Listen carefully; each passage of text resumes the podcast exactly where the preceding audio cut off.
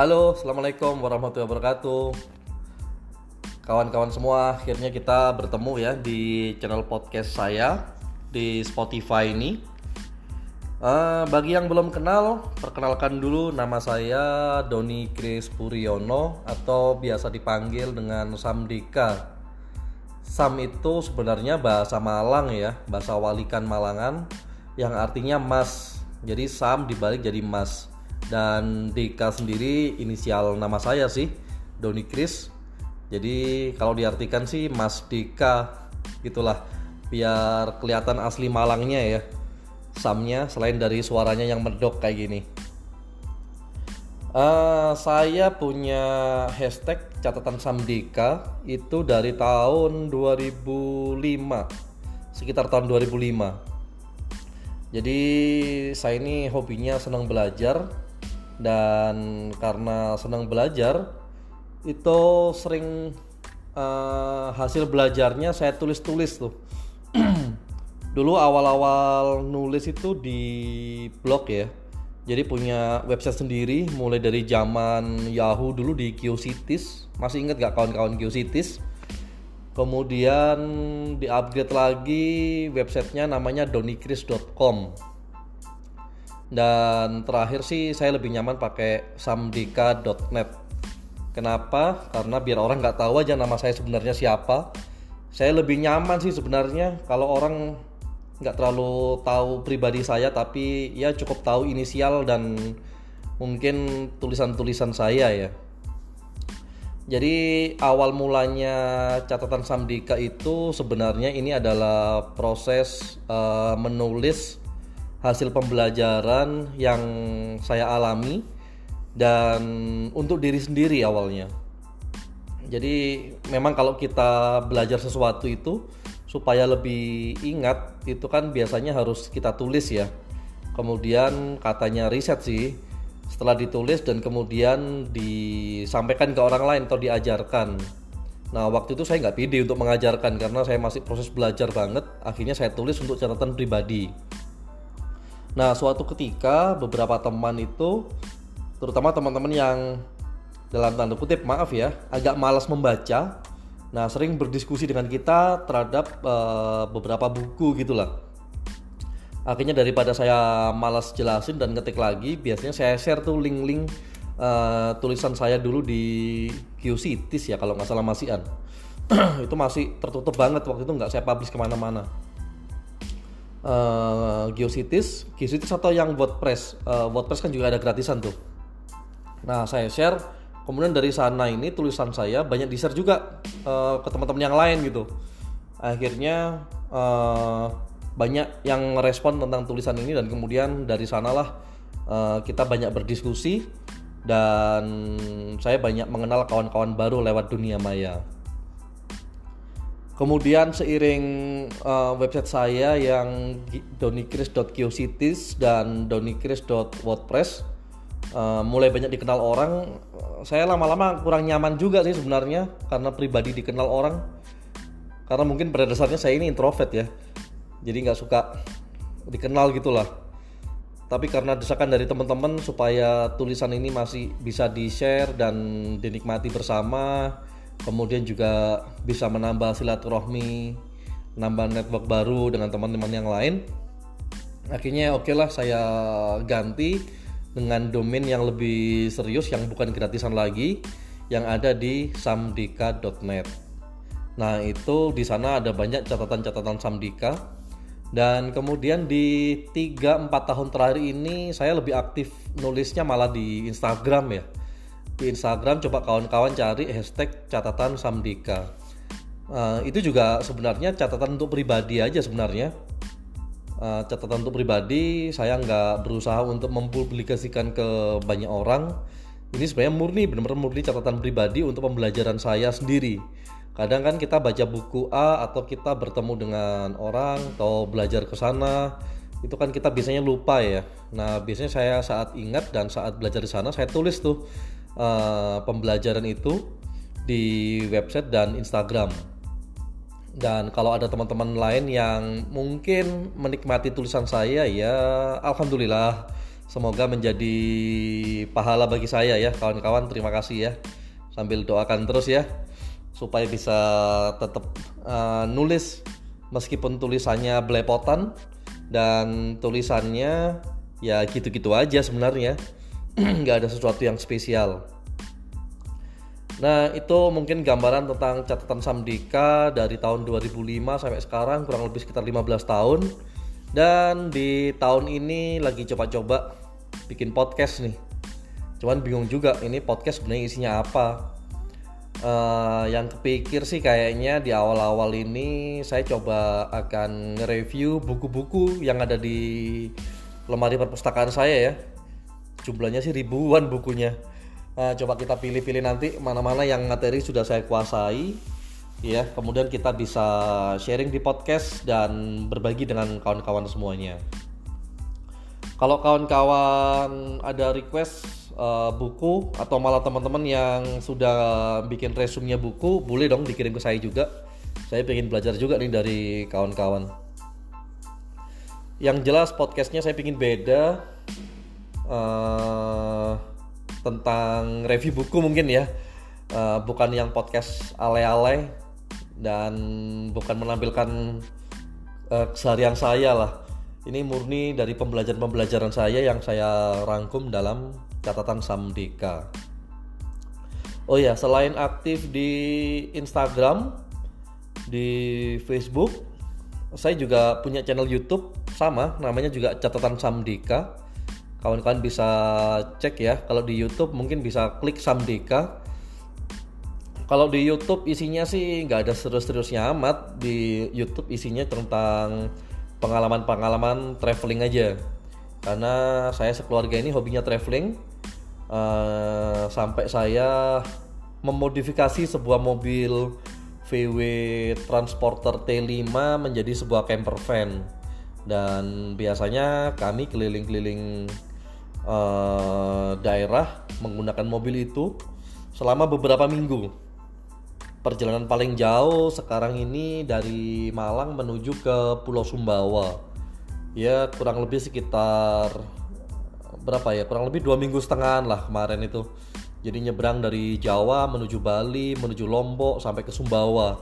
Planningnya sih sampai ke Atambua kemarin cuman di tengah perjalanan ada planning dadakan dan harus uh, kembali. Oke kawan-kawan mungkin gitu dulu ya pengenalannya. Uh, ikuti podcast saya di Spotify ini. Jangan ragu untuk kasih saran buat saya supaya podcastnya ini juga bisa ada manfaat buat teman-teman semua. Oke Sekian dari saya podcast episode pertama catatan Samdika. Assalamualaikum warahmatullahi wabarakatuh.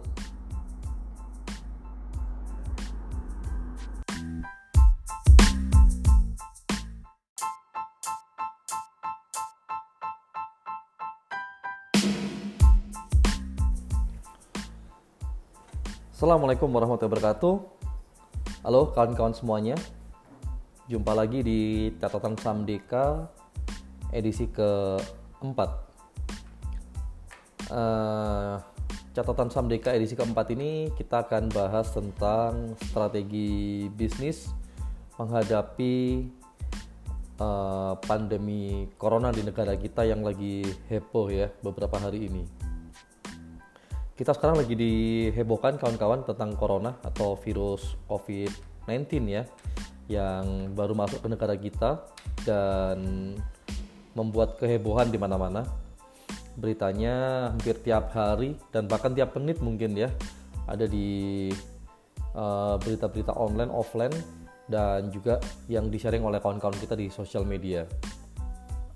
Nah, kita nih sebagai pelaku bisnis rasanya harus segera menyiapkan diri kita untuk kondisi yang terburuk sekalipun Uh, mungkin kalau secara garis besar gitu ya kita lihat memang dampaknya corona ini mungkin ada beberapa hal gitu ya. Yang pertama mungkin tentang uh, penyakit itu sendiri yang menyebabkan sampai pada level kematian bagi manusia. Dan kedua uh, dampak dahsyatnya justru pada ada dampak ekonomi kawan-kawan. Dan di sinilah pembahasan kita karena kita sebagai sesama pelaku bisnis uh, perlu membuat strategi-strategi khusus untuk menghadapi dampak corona ini. uh, beberapa contoh simpel aja ya dampak corona yang terjadi pada kawan-kawan kita. Jadi saya kemarin punya seorang kawan yang berbisnis di bidang percetakan. Lalu apa dampaknya dia terhadap percetakan? Dia bisa produksi uh, di dalam negeri gitu ya, tapi ternyata bahan bakunya lagi-lagi juga dari Cina. Jadi kemarin teman bercerita, uh, sekarang ini sudah mulai kehabisan yang namanya mata ikan untuk membuat uh, spanduk dia, sehingga saat dia nggak bisa bikin spanduk omsetnya sudah terjun bebas tinggal 30-40% saja dan ini sebenarnya juga tinggal nunggu waktu karena sampai sekarang juga belum jelas kapan nih mata ikan udah bisa masuk ke Indonesia lagi. Ini mungkin sekaligus menyadarkan kita ya kawan-kawan uh, ternyata kita ini ketergantungannya dengan Cina itu sangat luar biasa ya. Atau dengan negara lain tapi memang paling besar kan masih di Cina. Bahkan sampai barang sekecil mata ikan itu pun Indonesia nggak bisa bikin gitu kan. Kenapa barang yang sekecil itu mata ikan aja kita sampai impor pada Cina iya yeah. oke okay, tapi kita nggak bahas itu dulu kali ini kita bahas untuk persiapan-persiapan uh, strategi bisnis kita yang dinamakan dengan Business Continuity Plan atau BCP kawan-kawan bisa searching ya di internet dengan keyword Business Continuity Plan jadi untuk bikin BCP ini ada beberapa langkah kawan-kawan. Langkah pertamanya ya kita menentukan dulu beberapa kondisi kita yang ada saat ini. Ini kawan kan bisa kondisikan sesuai dengan keadaan kota dan mungkin model bisnis kawan-kawan semuanya ya. Jadi masing-masing orang pasti akan beda. Misalkan saja kita bikin empat, empat kategori kondisi nih Kondisi pertama kita tetapkan saat uh, belum ada korban dalam uh, kota yang kita kita tinggali ya atau bisnis kita berada. Kemudian omset juga masih normal, karyawan belum ada yang suspek, dia masih normal-normal seperti di awal-awal corona masuklah ke Indonesia. Jadi beritanya masih terlalu simpang siur gitu. Kemudian kondisi kedua mungkin kita tetapkan saat mungkin di kota kita ya atau kota di tempat bisnis kita berada sudah ada mulai satu ada dua korban yang suspek. Ya. Kemudian kondisi ketiga misalkan saja kita tentukan saat di kota kita tadi sudah ada kasus kematian yang sudah mulai agak banyak nih. Ya mungkin bisa jadi antara 5 sampai 10 orang tapi ini bisa sudah bikin gempar nih di kota ya. Atau bahkan di tim kita ini sudah ada yang mulai kena suspek. Dan misalkan aja di kondisi keempat kita tetapkan saat ini sudah situasi sudah mulai nggak terkendali ya. Banyak korban uh, bahkan mungkin dalam tim kita juga sudah ada yang suspek dan bahkan meninggal kena corona. Ya kita sama-sama nggak berharap ke sana ya kawan-kawan. Cuman kita kan harus punya planning yang jelas. Planning 1, 2, 3, 4 kita harus ngapain aja. Dan sebaiknya planning-planning ini kita siapkan dari sekarang. Sehingga kita tidak uh, gusar ya nanti dan tidak panik saat kondisi kita di hari ini katakanlah masuk pada plan di kondisi 1, 2, 3, 4 tadi karena corona ini kan sesuatu yang baru di negara kita ya uh, sebelumnya belum pernah ada ini juga mungkin negara kita belum punya juga belum punya pengalaman uh, bagaimana menyelesaikan masalah ini. Negara aja belum punya, apalagi kita gitu ya sebagai pemilik bisnis. Saya kira ini adalah pengalaman kita yang pertama nih semuanya, karena kita juga belum pernah menghadapi uh, pandemi penyakit seperti ini. Oke kawan-kawan, setelah tadi kawan-kawan tentukan kondisi 1, 2, 3, dan 4 ya. Kemudian yang kedua, kita ngomongin dulu pada faktor internal kita. Ya buat rencana sesuai dengan kategori di atas yang sudah kita kondisikan tadi, kondisi 1, 2, 3, dan 4 yang prioritasnya pada keselamatan tim kita terlebih dahulu. Ya. Karena bagaimanapun juga jalannya roda bisnis kita ini kan sangat dipengaruhi oleh tim kita ya. Jangan sampai saat tim kita ada yang tumbang, bisnis kita pun nggak bisa jalan. Nah inilah pentingnya kita membuat bisnis continuity plan. Uh, contohnya aja gini, yang pertama misalkan kondisinya masih di kondisi satu dan dua gitu ya, kita sudah mulai bisa bikin uh, protokol keamanan kantor kita. Misalkan semua karyawan yang masuk, kita harus pastikan mereka sehat. Ya, kita beli tes ukur untuk suhu tubuh yang mungkin nggak sehat sebaiknya nggak masuk kantor supaya tidak uh, menularkan penyakit ke teman-teman yang lain atau membuat daya tahan tubuh teman-teman yang lain pada turun. Kemudian pembersihan area kantor dengan desinfektan ya secara berkala sesuai kondisi di atas yang telah kita tentukan nih. Kita sekarang lagi masuk kondisi mana? 1, 2, 3 atau 4 gitu. Semakin menuju ke 4 ya semakin sering kita harus membersihkan kantor nih sehari beberapa, beberapa kali gitu ya. Lalu mungkin juga buat aturan karyawan-karyawan yang sakit atau yang daya tahan tubuhnya melemah gitu ya. Mungkin bisa ambil cuti dulu atau memang eh, kebijakan kantor untuk dirumahkan dulu lah supaya tidak berbaur dengan kawan-kawan yang lain. Jadi kita bisa batasi uh, penyebaran virus kalau memang ada. Uh, kemudian juga uh, seperti yang sekarang dilakukan di Cina ya uh, antar karyawan kita bikin jarak aman. Jadi antar orang jaraknya minimal satu meter gitulah sehingga misalkan ada salah satu yang kena virus penyebaran ke teman-teman yang lain juga nggak uh, terlalu cepat ya yeah kemudian sampai mungkin pada planning karyawan harus sudah mulai bekerja di rumah. Nah ini kita tentukan nih eh, kondisi-kondisi uh, ini masuk dalam tahapan di atas kondisi yang bagaimana yang kita sudah tentukan empat kriteria tadi di atas ya. Kemudian kalau misalkan kondisi sudah mulai agak memburuk nih misalkan kita punya planning membagi total karyawan kita dalam dua grup besar. Kenapa kita bagi dua grup? supaya misalkan salah satu kena di satu grup ya grup kedua masih aman. Jadi misalkan kawan-kawan punya misalkan tim finance ya uh, ada empat orang gitu. Setidaknya mereka kita bagi nih uh, masing-masing tim ada dua orang dua orang. Nah sehingga jika salah satu grup kena kita isolir yang grup keduanya tetap bisa menjalankan uh, bisnis kita kalau misalkan di tim satu ada yang kena gitu ya uh, kita juga mungkin bisa isolir atau bisa dibuat lagi uh, grup pecah lagi lah. Jadi intinya kita harus memecah beberapa tim kita supaya saat salah satu kena bisnis tetap jalan dengan tim yang lain. Nah ini penting juga kawan-kawan strategi meskipun uh, sepele seperti ini ya tapi uh, tetap perlu nih kita gunakan. Kemudian uh, kita bikin planning saat kondisi mungkin juga sudah tidak memungkinkan untuk bekerja di kantor nih. Kita harus uh, semuanya bekerja di rumah. Uh, kita harus bikin planningnya di sana kawan-kawan. Apa saja sih yang bisa dikerjakan? Kemudian bagaimana kita cara koordinasinya supaya tetap jalan gitu ya.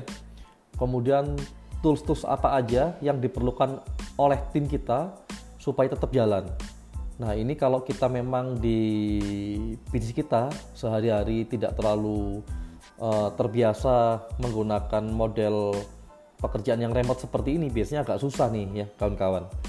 Kalau saya sih ke, kebetulan sih alhamdulillah di kantor terbiasa uh, menggunakan berbagai tools yang memudahkan kita. Kalau untuk sekedar koordinasi komunikasi ya mungkin kita bisa gunakan WhatsApp atau Telegram ya Telegram lebih powerful sih kalau untuk uh, kirim-kirim file ukuran besar sekalipun masih bisa di Telegram dibandingkan dengan uh, WhatsApp. Kemudian meeting online kita menggunakan apa? Kalau saya di kantor biasanya pakai Zoom, ya.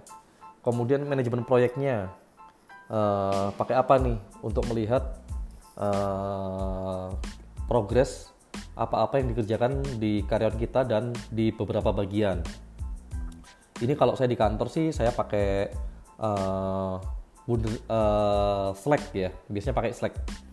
Kalau pingin lebih simple sih untuk tasking-tasking saya pakai uh, Wunderlist lalu mungkin juga kawan-kawan perlu perhatikan juga nih uh, hal-hal basic. Misalkan siapa saja karyawan-karyawan yang kalau kerja di rumah uh, banyak kesulitannya.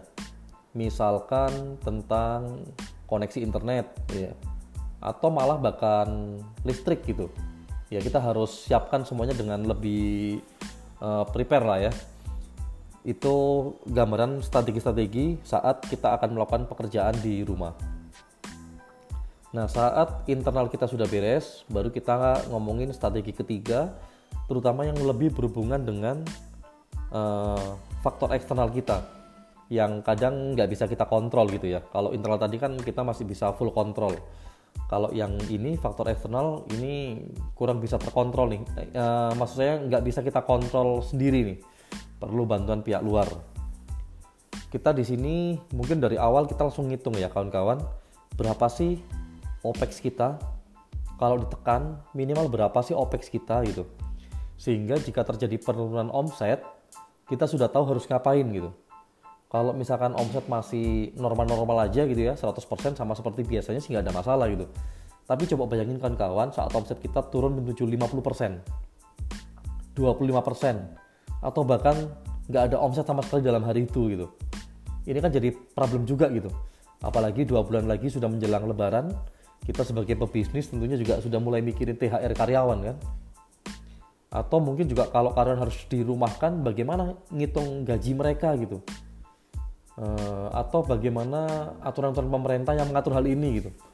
Kemarin kita dengar ada uh, pembebasan pajak ya PPh 21 kalau nggak salah, tapi saya juga belum jelas bagaimana prosedur untuk mengajukan itu. Ya, kawan-kawan. Jadi intinya kita harus paham uh, mengatur cash flow kita, ya mengatur saldo. Intinya dengan saldo yang ada sekarang ini, perusahaan kita masih bisa hidup berapa bulan lagi nih apakah perusahaan kita masih bisa hidup sampai benar-benar pandemi corona ini benar-benar berakhir. Nah ini kita perlu atur strategi dari awal sekarang.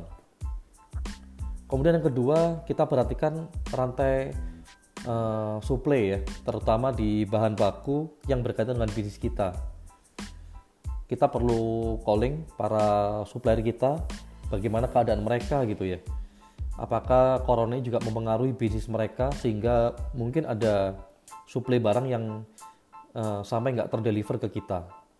Kita pun juga sudah harus mulai dari sekarang cari substitusi barangnya, substitusi lainnya ya. Apakah ada apa enggak nih di pasaran? Mulai dari sekarang nih kawan-kawan. Nah ini pentingnya kita bikin BCP tadi supaya sudah mulai terkalkulasi dari awal dan jangan sampai terlambat kita menyadari suatu keadaan tanpa strategi yang sudah kita rancang. Kemudian di manajemen inventory untuk keadaan darurat seperti ini, apakah kita juga sudah pikirin nih? Uh, misalkan saja barang-barang yang expire-nya pendek, ya, dan kemungkinan berhubungan dengan omset kita yang lagi turun, ya sebaiknya kita nggak nggak terlalu punya stok yang berlebihan gitu. Atau kalau justru malah expire-nya panjang, ya bagaimana jika kita malah uh, melakukan stok lebih banyak daripada biasanya sekarang gitu? Karena takutnya nanti di beberapa bulan ke, de uh, ke depan barangnya sudah nggak ada dan kita malah nggak bisa jualan karena bahan bakunya sudah kosong. Ya segera kawan-kawan koordinasi dengan vendor-vendor bahan baku anda. Misalkan seperti itu. Kemudian bagaimana saat kondisinya kita juga harus merumahkan karyawan nih Nah ini kita harus pikirin juga kan uh, berapa nih uang yang harus kita berikan ke mereka, apakah 100% gaji atau berapa persen gaji, tunjangan tunjangan-tunjangan apa aja yang bisa dikat ya demi eksistensi perusahaan kita supaya masih bisa hidup saat pandemi corona ini sudah berakhir. Nah ini kita harus bikin simulasi angkanya dengan lebih detail lagi dan mulai sekarang nih. Yeah. Nah, gitu mungkin kawan-kawan uh, yang bisa saya share dalam podcast kali ini, catatan Samdika volume 4. Setidaknya tiga langkah prioritas tadi ya, bisa kawan-kawan jadikan referensi awal lah untuk membuat strategi. Intinya tetap jangan panik ya. Kita tetap berharap yang terbaik, tapi juga siap menghadapi keadaan yang paling buruk sekalipun. Ya, jangan sampai biji kita tumbang ya kawan-kawan gara-gara persiapan menghadapi corona ini kita kurang terencana dengan baik. Oke kawan-kawan, tetap semangat ya. Semoga keadaan segera membaik. Semoga Allah Subhanahu wa taala memudahkan langkah ikhtiar kita bersama. Amin amin amin ya rabbal alamin. Oke kawan-kawan, sampai jumpa di podcast selanjutnya. Salam dari saya, catatan Sam Dika. Assalamualaikum warahmatullahi wabarakatuh.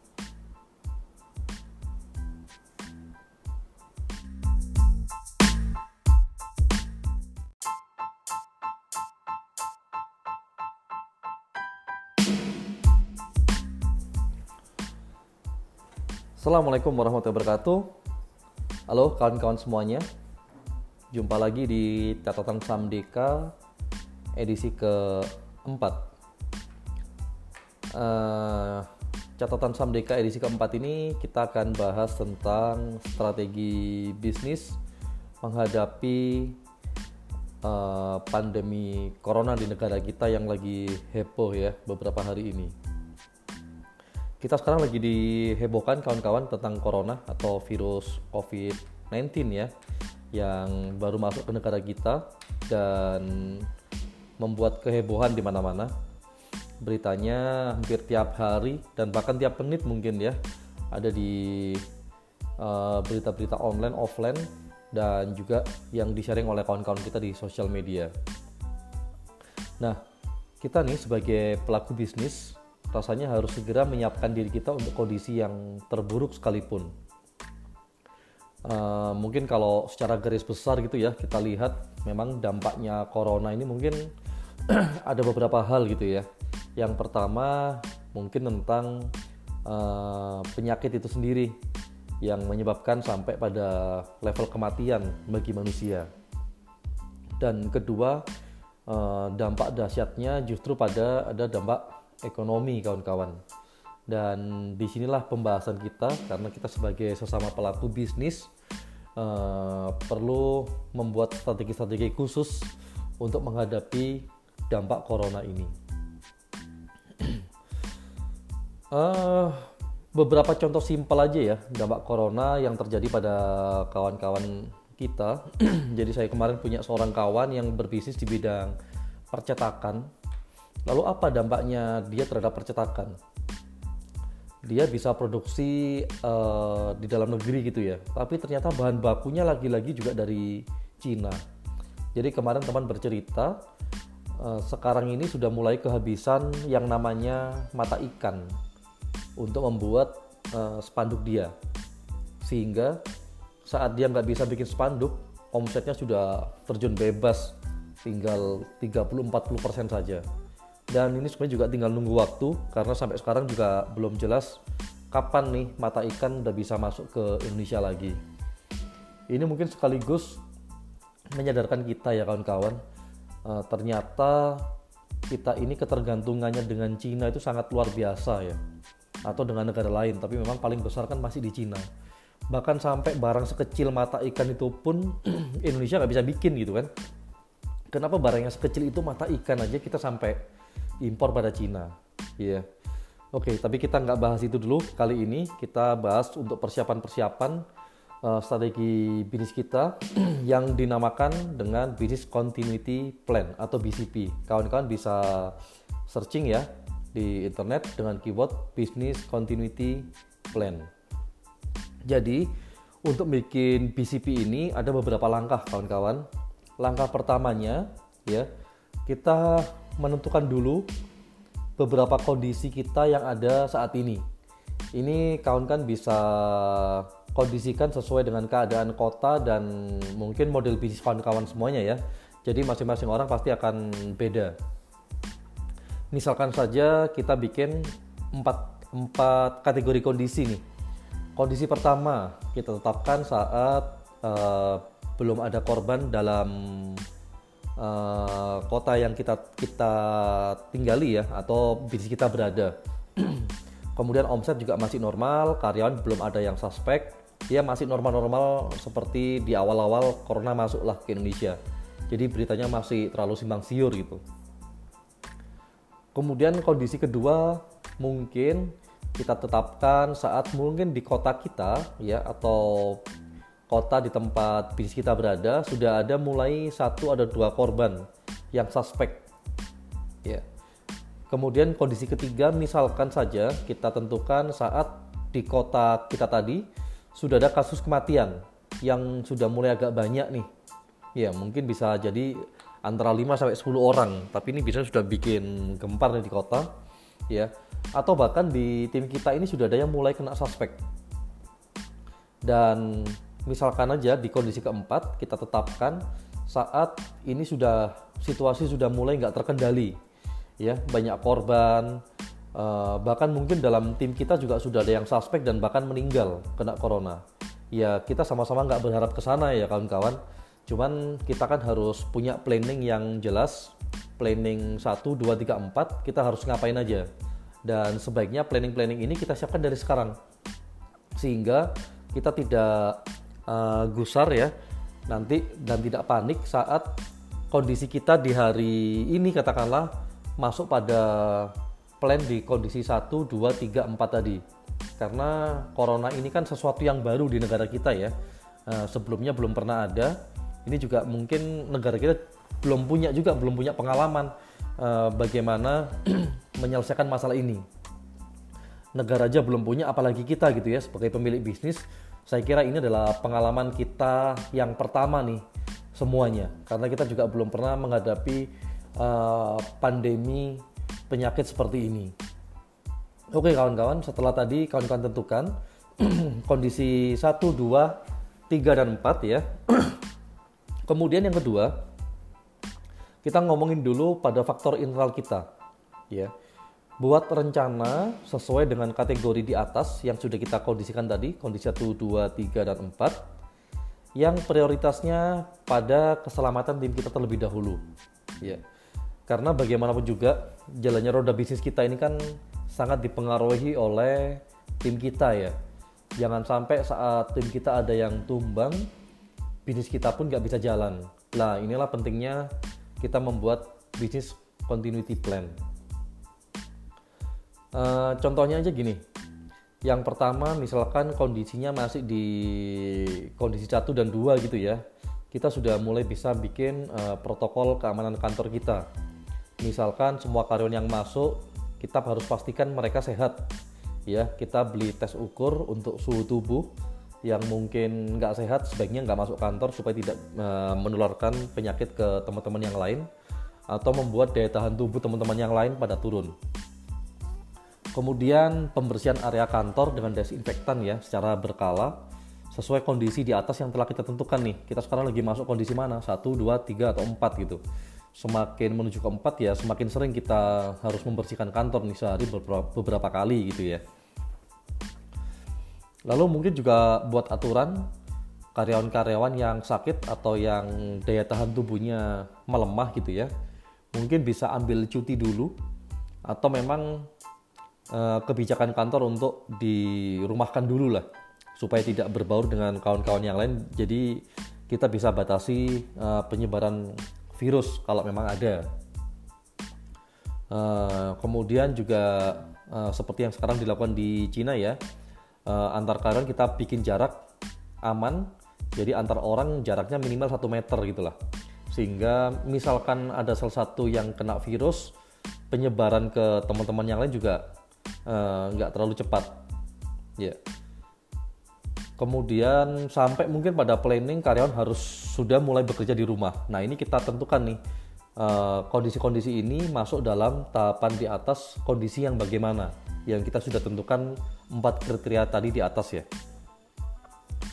Kemudian kalau misalkan kondisi sudah mulai agak memburuk nih misalkan kita punya planning membagi total karyawan kita dalam dua grup besar Kenapa kita bagi dua grup? Supaya misalkan salah satu kena di satu grup ya, grup kedua masih aman. Jadi misalkan kawan-kawan punya misalkan tim finance ya, uh, ada empat orang gitu. Setidaknya mereka kita bagi nih, uh, masing-masing tim ada dua orang dua orang. Nah sehingga jika salah satu grup kena kita isolir, yang grup keduanya tetap bisa menjalankan uh, bisnis kita kalau misalkan di tim satu ada yang kena gitu ya uh, kita juga mungkin bisa isolir atau bisa dibuat lagi uh, grup pecah lagi lah jadi intinya kita harus memecah beberapa tim kita supaya saat salah satu kena bisnis tetap jalan dengan tim yang lain. Nah ini penting juga kawan-kawan strategi meskipun uh, sepele seperti ini ya, tapi uh, tetap perlu nih kita gunakan. Kemudian uh, kita bikin planning saat kondisi mungkin juga sudah tidak memungkinkan untuk bekerja di kantor nih. Kita harus uh, semuanya bekerja di rumah. Uh, kita harus bikin planningnya di sana kawan-kawan. Apa saja sih yang bisa dikerjakan? Kemudian bagaimana kita cara koordinasinya supaya tetap jalan gitu ya. Kemudian tools-tools apa aja yang diperlukan oleh tim kita supaya tetap jalan Nah ini kalau kita memang di bisnis kita sehari-hari tidak terlalu uh, terbiasa menggunakan model pekerjaan yang remote seperti ini biasanya agak susah nih ya kawan-kawan. Kalau saya sih ke, kebetulan sih alhamdulillah di kantor terbiasa uh, menggunakan berbagai tools yang memudahkan kita. Kalau untuk sekedar koordinasi komunikasi ya mungkin kita bisa gunakan WhatsApp atau Telegram ya Telegram lebih powerful sih kalau untuk uh, kirim-kirim file ukuran besar sekalipun masih bisa di Telegram dibandingkan dengan uh, WhatsApp. Kemudian meeting online kita menggunakan apa? Kalau saya di kantor biasanya pakai Zoom, ya. Kemudian manajemen proyeknya uh, pakai apa nih untuk melihat uh, progres apa-apa yang dikerjakan di karyawan kita dan di beberapa bagian ini kalau saya di kantor sih saya pakai uh, uh, Slack ya. Biasanya pakai Slack. Kalau pingin lebih simple sih untuk tasking-tasking saya pakai uh, Wunderlist. Lalu mungkin juga kawan-kawan perlu perhatikan juga nih hal-hal uh, basic. Misalkan siapa saja karyawan-karyawan yang kalau kerja di rumah uh, banyak kesulitannya.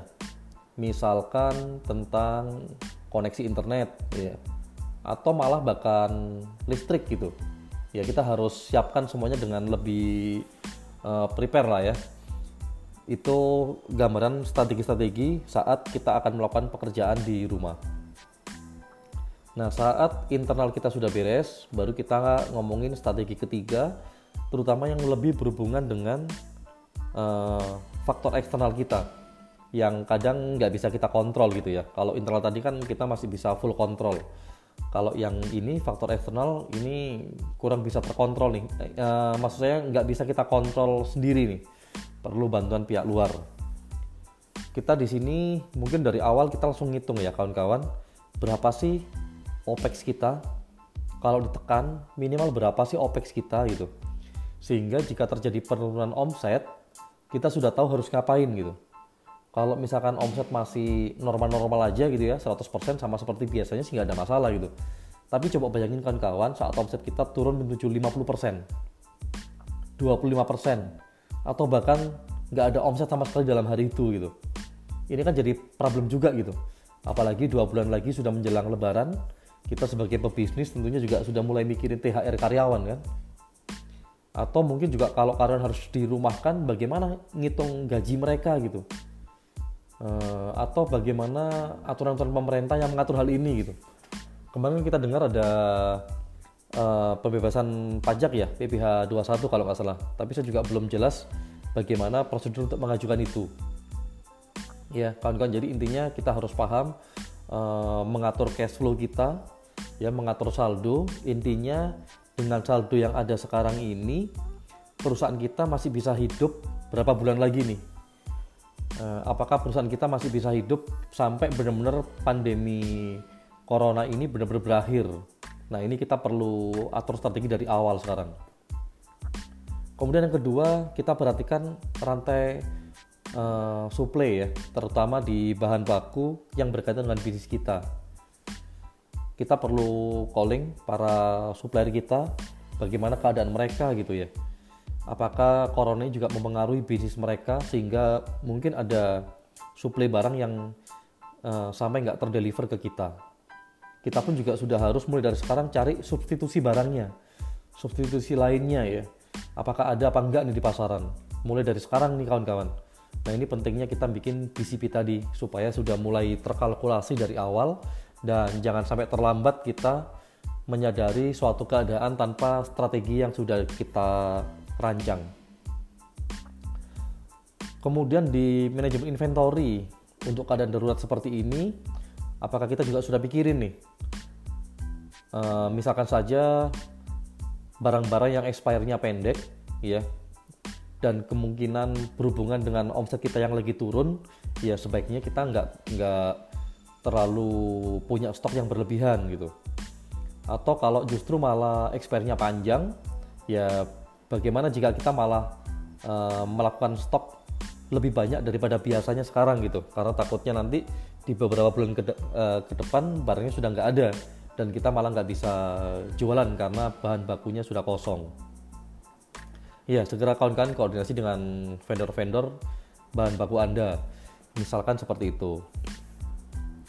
Kemudian bagaimana saat kondisinya kita juga harus merumahkan karyawan nih nah ini kita harus pikirin juga kan uh, berapa nih uang yang harus kita berikan ke mereka apakah 100% gaji atau berapa persen gaji tunjangan tunjangan-tunjangan apa aja yang bisa dikat ya demi eksistensi perusahaan kita supaya masih bisa hidup saat pandemi corona ini sudah berakhir. Nah, ini kita harus bikin simulasi angkanya dengan lebih detail lagi dan mulai sekarang nih.